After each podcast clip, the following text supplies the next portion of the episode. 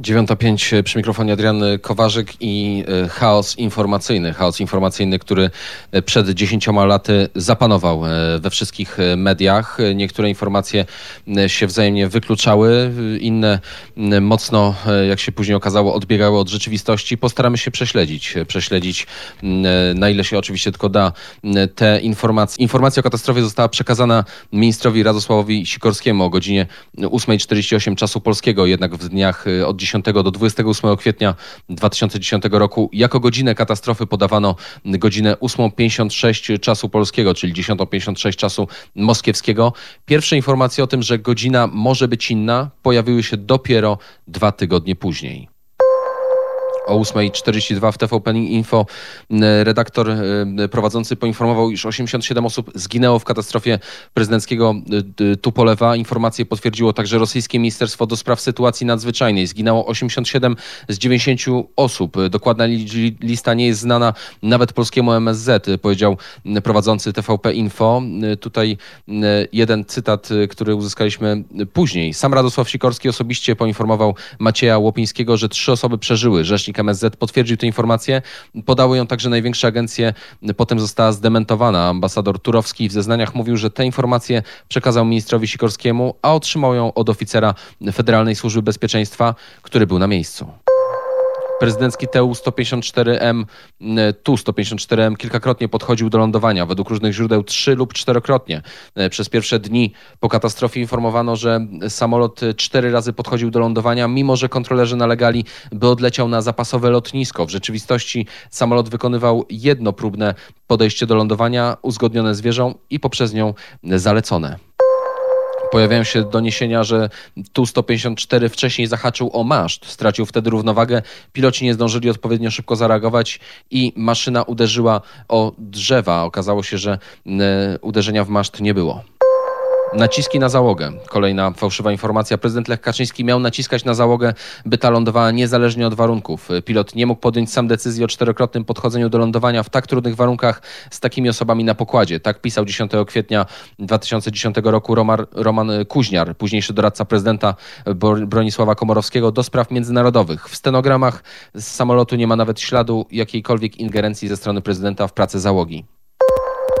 Generał Błasik był do końca w kokpicie. Informacje, że generał Błasik był w kokpicie w ostatnich minutach lotu bez żadnych dowodów podał Edmund Klich 24 maja 2010 roku. Polski akredytowany, akredytowany przymak bronił tego kłamstwa również po obaleniu go przez krakowskich biegłych sądowych dzięki analizie nagrań.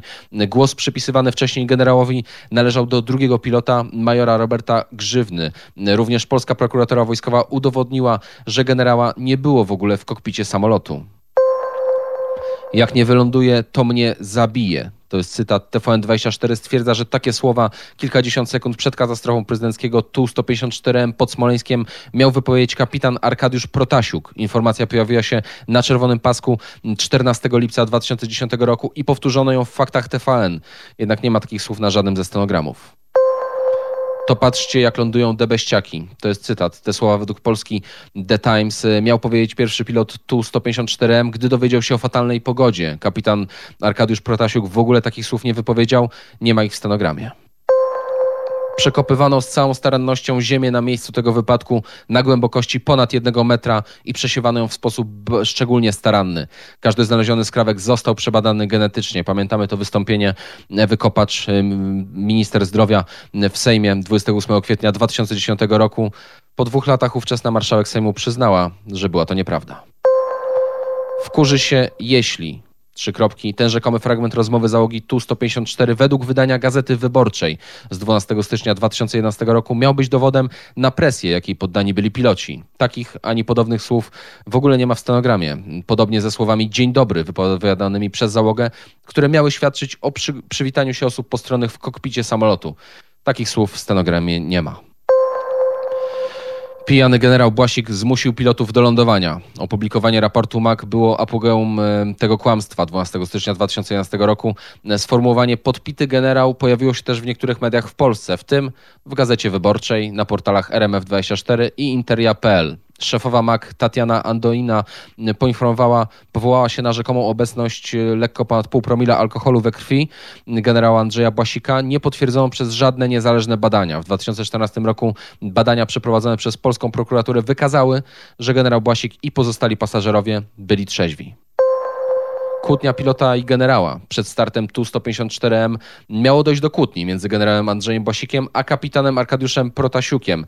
Tę wiadomość podała stacja TVN24 25 lutego 2011 roku, a potem przez wiele dni powtarzała ją większość e, mediów. Kapitan Arkadiusz Protasiuk rzekomo nie chciał 10 kwietnia zasiąść ze sterami rządowego Tupolewa i na płycie lotniska Okęcie kłócił się o to ze swoim przełożonym. Jak się okazało, o kłótni zeznał szef BOR, generał Marian Janicki, który przebywał w Krakowie w czasie odlotu Tu-154M z Okęcia. Kłótni zaprzeczyli świadkowie odlotu Tu-154M, oficerowie BOR, którzy stwierdzali w swoich zeznaniach, że o tej sytuacji dowiedzieli się z mediów. Prokuratora przyznała również, że żadnej kłótni nie było. I ostatnia informacja. Nie było trotylu na wraku Tupolewa. W październiku 2012 roku w Rzeczpospolitej ukazał się artykuł, w którym poinformowało, że na wraku Tupolewa, który rozbił się pod Smoleńskiem, znaleziono ślady trotylu. Za ten artykuł jego autor Cezary Gmys został zwolniony z dziennika. Zarzucono mu, że wyciągnął pochopne wnioski, zawierzając informatorom, a nie mając żadnego potwierdzenia. Tymczasem prokuratorzy nie, prokuratorzy nie zdementowali pogłosek na temat trotylu, a prokurator generalny Andrzej Saremet dzień wcześniej w rozmowie z naczelnym dziennika upewniał go, o prawdziwości informacji. Takie próbki rzeczy jednej z ofiar katastrofy, y, także próbki rzeczy jednej z ofiar katastrofy dzięki staraniom rodziny zbadane w USA wykazały obecność trotylu. Urządzenia, którymi w badaniach wraku posługiwali się śledczy, również wykazały obecność trotylu. W listopadzie 2015 roku sąd przyznał rację Cezaremu Gmyzowi i uznał, że jego tekst o trotylu na wraku Tupolewa był rzetelny oraz zaświadczył, że dziennikarz dopełnił wszelkich standardów dziennikarskich. Jak Państwo słyszą, jak Państwo pewnie pewnie pamiętają, e, tych, ten, ten chaos medialny był ogromny, tych informacji było więcej. Ja sam e, pamiętam, choć nie mogłem teraz znaleźć tej informacji, e, pierwsze paski informacyjne, gdzie informowano o ponad 100 ofiarach, o ile się nie mylę, 130 ofiarach. Później te informacje były dementowane. Jak widać, chaos informacyjny trwał dłużej niż jedną dobę trwał wiele lat. Ze studia na Ochocie Adrian przenosimy się do studia Prawy Brzeg. Warszawa 87 i 8 FM, Kraków 95 i 2 FM. Radio Wnet, radio dwóch stolic.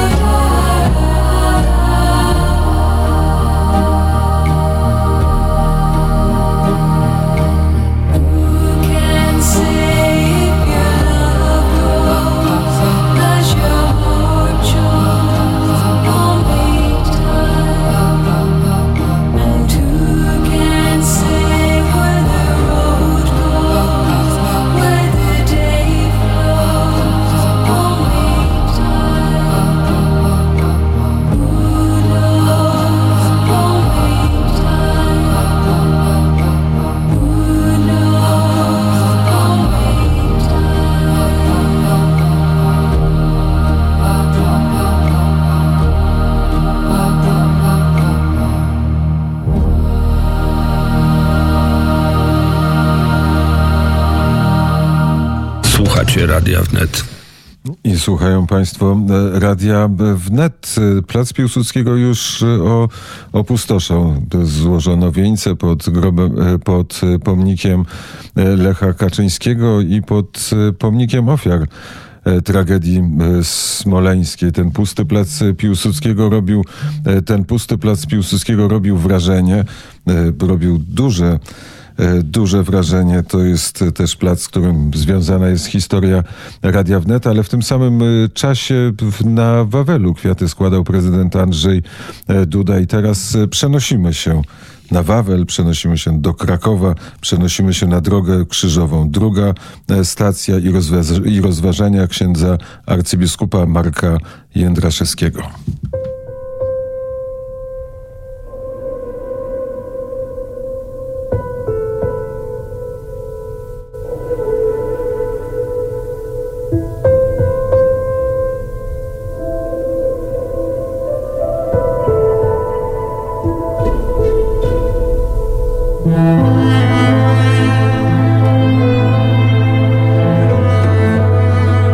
Stacja druga.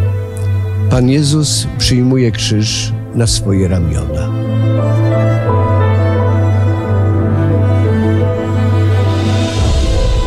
Chrystus krzyża nie pragnął, ale miał świadomość tego, że kiedyś On przyjdzie i że trzeba Go będzie na siebie wziąć.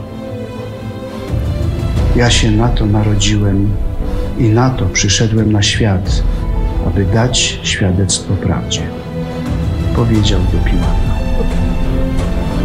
Miało to być świadectwo o Ojcu, który tak umiłował świat, że Syna swego jednorodzonego posłał na świat nie po to, aby świat potępił, ale po to, by świat został przez Niego zbawiony. Zbawiony poprzez Jego całkowite posłuszeństwo woli Ojca tym właśnie objawiła się miłość Syna zarówno do Ojca, jak i do świata. W Jego przyjęciu krzyża dla nas i dla naszego zbawienia. Dlatego też zgoda na przyjęcie Chrystusowego krzyża i bezwarunkowe pójście za Nim musi wynikać z osobistej, pełnej wdzięczności i miłości do Odkupiciela. To właśnie dlatego zmartwychwstały Chrystus trzykrotnie pytał Piotra nad jeziorem Genezaret. Szymonie, synu Jana, czy miłujesz mnie więcej aniżeli ci?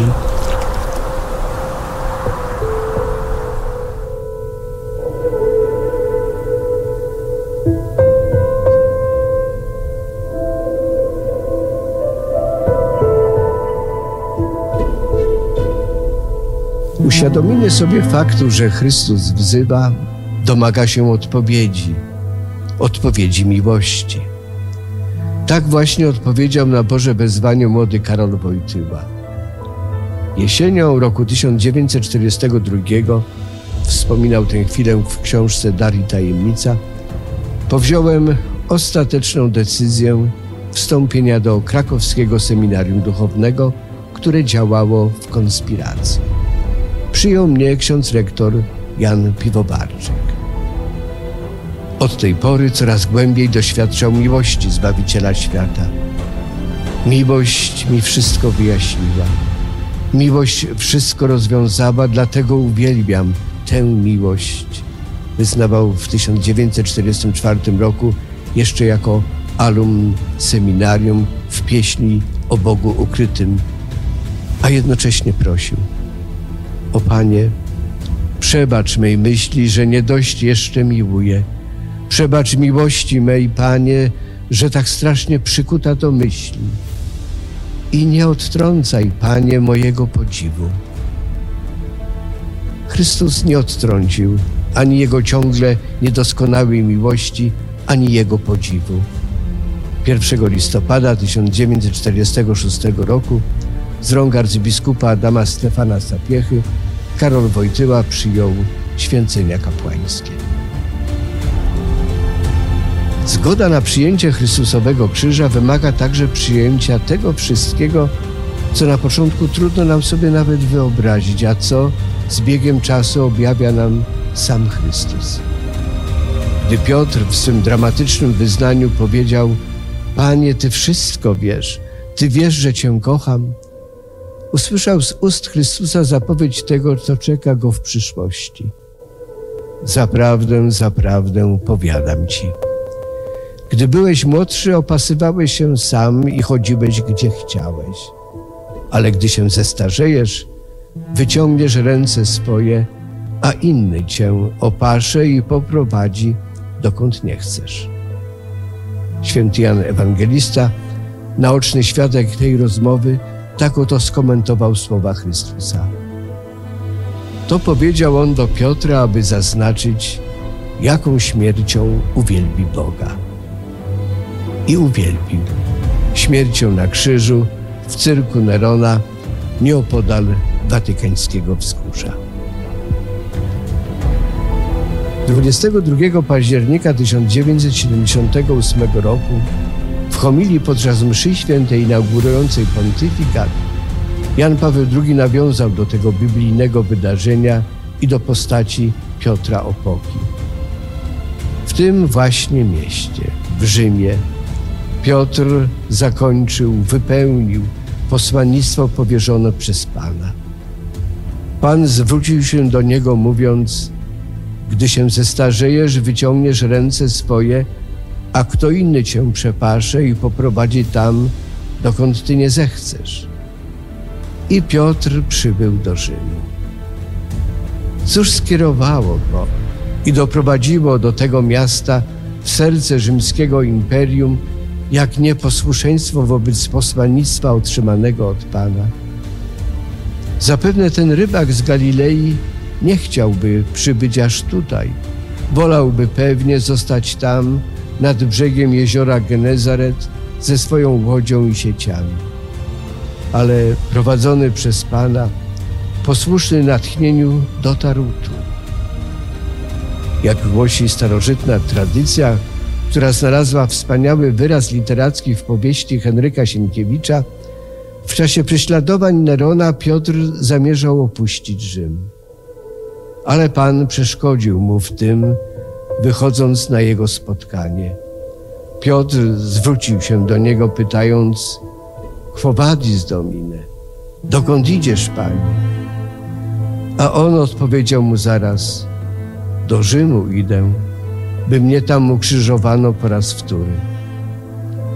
Piotr wrócił do Rzymu i pozostał w nim aż do swego ukrzyżowania. Tę drogę Piotra od jeziora Genezaret do Rzymu Jan Paweł II odniósł do siebie. Rzym jest stolicą Piotra. W ciągu wieków następowali na niej coraz to nowi biskupi. Dziś właśnie nowy biskup wstępuje na rzymską stolicę Piotra. Biskup przejęty głębokim drżeniem w poczuciu swej niegodności. Jak tu nie drżeć wobec wielkości takiego wezwania i wobec powszechnej misji tej stolicy rzymskiej? Na rzymską stolicę Piotra wstępuje dzisiaj biskup, który nie jest Rzymianinem. Biskup, który jest synem Polski. Ale z tą chwilą i on staje się Rzymianinem. Nie byłoby jednak tego drżenia następcy świętego Piotra, gdyby wcześniej, podczas konklawy, nowo wybrany papież osobiście nie potwierdził wyboru dokonanego przez kardynałów. Sam wybór dokonał się po godzinie 17. Wynika to z ostatniej notatki, jaką kardynał Karol Wojtyła jeszcze jako metropolita krakowski umieścił w swojej księdze czynności biskupich. Około godziny 17.15 Jan Paweł II. Trzeba było jednak jeszcze oficjalnego potwierdzenia z jego strony. Nieco ponad godzinę później, o godzinie 18.18, 18, podszedł do niego kardynał Jean-Marie Villot, który przewodził obradom konklawę i uroczyście, zgodnie z rytuałem, zapytał papieża elekta. Czy przyjmujesz dokonany przed chwilą kanonicznie wybór Twojej osoby na najwyższego kapłana? Nowo wybrany papież odpowiedział również zgodnie z zapisem zawartym w Konstytucji Apostolskiej Romano Pontifice Eligendo. W posłuszeństwie wiary wobec Chrystusa, mojego Pana, zawierzając Matce Chrystusa i Kościoła, świadom wszelkich trudności, przyjmuję. Gdy po upływie kolejnej godziny Jan Paweł II ukazał się na głównym balkonie Bazyliki Świętego Piotra, zwracając się do niezmierzonej rzeszy rozradowanych osób zgromadzonych na placu, w jakiejś mierze powtórzył słowa wypowiedziane w kaplicy sykstyńskiej, a równocześnie odsłonił swój stan ducha. Bałem się przyjąć ten wybór, ale zrobiłem to w duchu posłuszeństwa Panu naszemu, Jezusowi Chrystusowi i w całkowitym zaufaniu Jego Matce, Najświętszej Maryi Pannie. Zaraz potem nakreślił istotę swojej Piotrowej posługi wśród i dla ludu Bożego.